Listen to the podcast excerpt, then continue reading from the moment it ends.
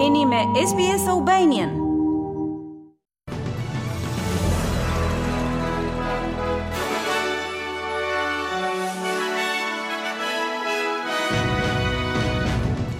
Në buletinin e sotëm informativ do të ndiqni Personeli i forcave të mbrojtjes australiane u vendos në qytetin Forbes të New South Wales përpara përmbytjeve të pritshme.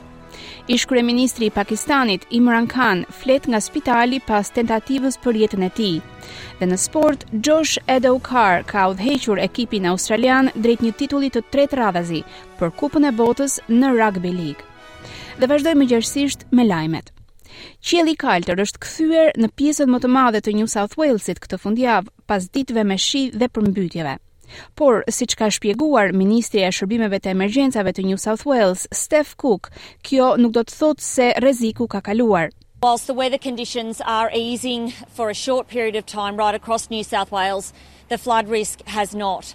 Uh, so even if you Ndërsa kushtet e motit po lehtësohen për një periudhë të shkurtër kohore në të gjithë New South Walesin, rreziku nga përmbytjet ende është prezent.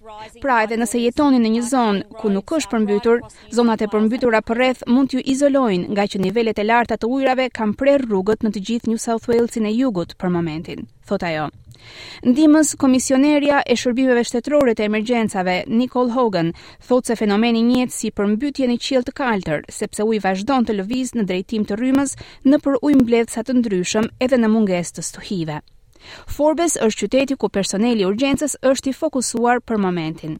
Personeli i Forcave të Mbrojtjes Australiane është vendosur në Forbes, por kryeministri Dominic Perrottet thotë se rreth dyqind ndihmëse të tjerë do të vihen në dispozicion të komuniteteve përreth shtetit të New South Wales që mbeten në rrezik nga përmbytjet. Megjithëse pjesa më e madhe e fokusit është në New South Wales, Queenslandi dhe Victoria, gjithashtu kanë patur dëmtime nga reshjet intensive. Queensland theu rekordet për nivelin më të lartë të reshjeve në muajin tetor, që ishte tetori i tetë me më shumë shira në rekord. Ndërsa në Victoria, më shumë se 50 paralajmërime për rrezikun e përmbytjeve janë aktive, me mbi 460 rrugë të mbyllura. Paralajmërimet e mëdha janë vendosur në Echuca, Lower Moira, Barmah dhe lumi Murray në rrjedhën e poshtë të Tocumwal deri në Barham. Parashikuesi i Byrosë së Meteorologjisë, Dean Narramore, thotë se i gjithë bregu lindor është prekur deri në një farë mase. From southern Queensland all the way down into Victoria, we can see minor, moderate and major flooding occurring. Nga Queensland jugor deri në Victoria, ka një sërë përmbytjesh të vogla, mesatare dhe të mëdha. Më shqetësuese janë zonat rreth shumë lumejve në brendësi të New South Wales, veçantërisht Murrumbidgee, Lachlan dhe gjithashtu për komunitetet më në veri në Namoi dhe pjesët e sipërme të lumit Darling. Qeveria federale ka emëruar nëpunësen publike Kristin Tilley si ambasadoren e re të Australisë për ndryshimet klimatike në samitin e klimës COP27 në Egjipt. Ministri e Ndryshimeve Klimatike, Chris Bowen, thotë se ky emërim është përmbushja e një premtimi të bërë nga laburistët gjatë fushatës së tyre zgjedhore të majit për të rivendosur këtë rol që ishte hequr nga qeveria e mëparshme e koalicionit. Ai thotë se është pjesë e përpjekjeve të Australisë për t'i treguar botës se po e marrim seriozisht ndryshimin e klimës. This is an opportunity of course for Australia to remind the world that we're back. We're back at the international table. We've already notified the UNFCCC of our new nationally determined contribution. Kjo është sigurisht një mundësi për Australinë, për t'i kujtuar botës se ne jemi kthyer në tryezën ndërkombëtare. Ne kemi njoftuar tashmë Konventën e Kombeve të Bashkuara për ndryshimet klimatike të OKB-së për vendosmërinë tonë për të dhënë kontribut në nivel kombëtar për të reduktuar emetimet e gazit të metanit dhe sigurisht që do të ketë më shumë diskutime ndërkombëtare në Sharm el Sheikh, ku po zhvillohet samiti i klimës. Ish kryeministri pakistanez Imran Khan ka kërkuar dorëheqjen e kryeministrit aktual të vendit për atë që ish udhëheqësi e ka quajtur një atentat kundër vetes. Ai ka akuzuar kryeministrin Shahbaz Sharif, ministrin e Brendshëm Rana Sanaullah Khan dhe gjeneralin e ushtrisë Faisal Nasir, që punon për agjencinë e spiunazhit, për orkestrimin e të shtënave kundër tij. Khan mbetet në një gjendje të qëndrueshme pasi u qëllua dhe u plagos gjatë një marshimi proteste. Shtetet e Bashkuara të Amerikës do t'i dërgojnë Ukrainës 618 milionë dollarë ndihmë ushtarake, dhe do të krijojnë një seli të ndihmës për sigurinë në Gjermani, që do të mbikëqyrë të gjitha transferimet e armëve dhe trajnimin ushtarak për Ukrainën, njoftoi Pentagoni të premten. Veçanërisht, ndihma prej 618 milionë dollarësh përfshin financim për më shumë mbrojtje ajrore, për të ndihmuar Ukrainën të mbrohet më mirë kundër sulmeve të përshkallëzuara me raketa dhe drone ruse. Këshilltari i Sigurisë Kombëtare i Shteteve të Bashkuara, Jake Sullivan, thotë se Shtëpia e Bardhë do të vazhdojë të mbështesë Ukrainën.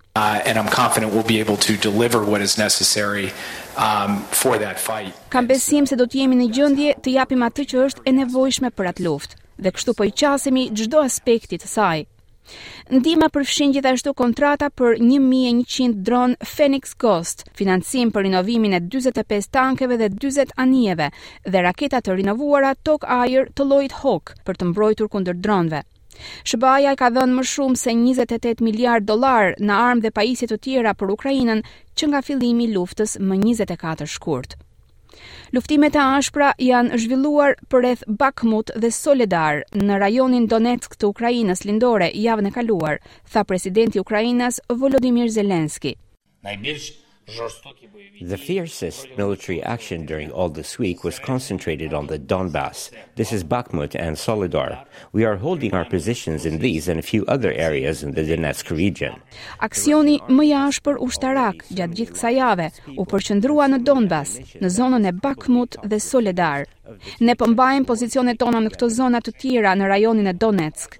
Ushtria ruse ka humbur tashmë kaq shumë jetë njerëzish dhe aq shumë municione, saqë ndoshta kjo ua kalon shifrave të dy luftrave çeçene të marra së bashku.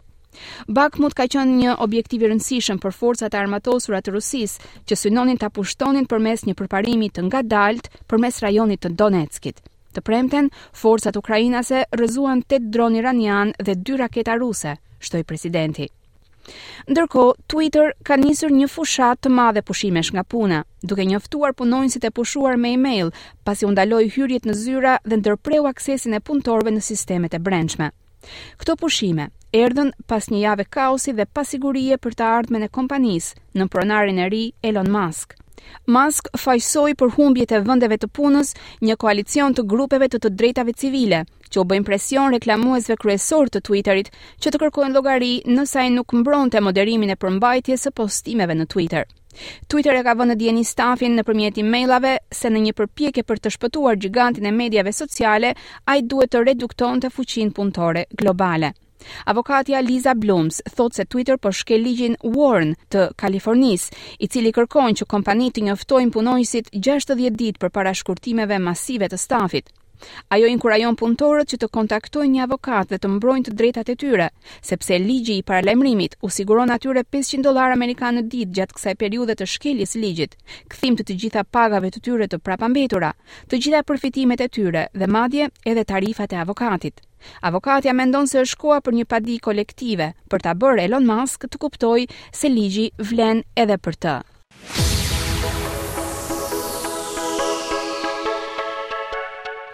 Dhe në sport, Josh Addo-Carr udhëhoqi sulmin e Australisë drejt një titulli të tretë radhazi të Kupës së Botës në Ligën e Ragbit, duke shënuar 5 gola, ndërsa kangurët australian mposhtën Libanin me rezultatin 48 me 4.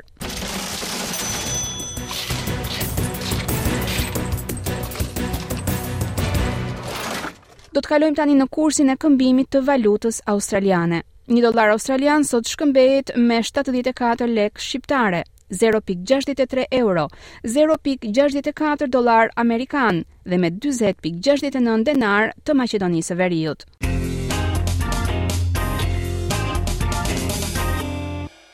Vazhdojmë me parashikimin e motit për ditën e sotme dhe të nesërme. Sot nëpër qytetet australiane u regjistruan këto temperatura.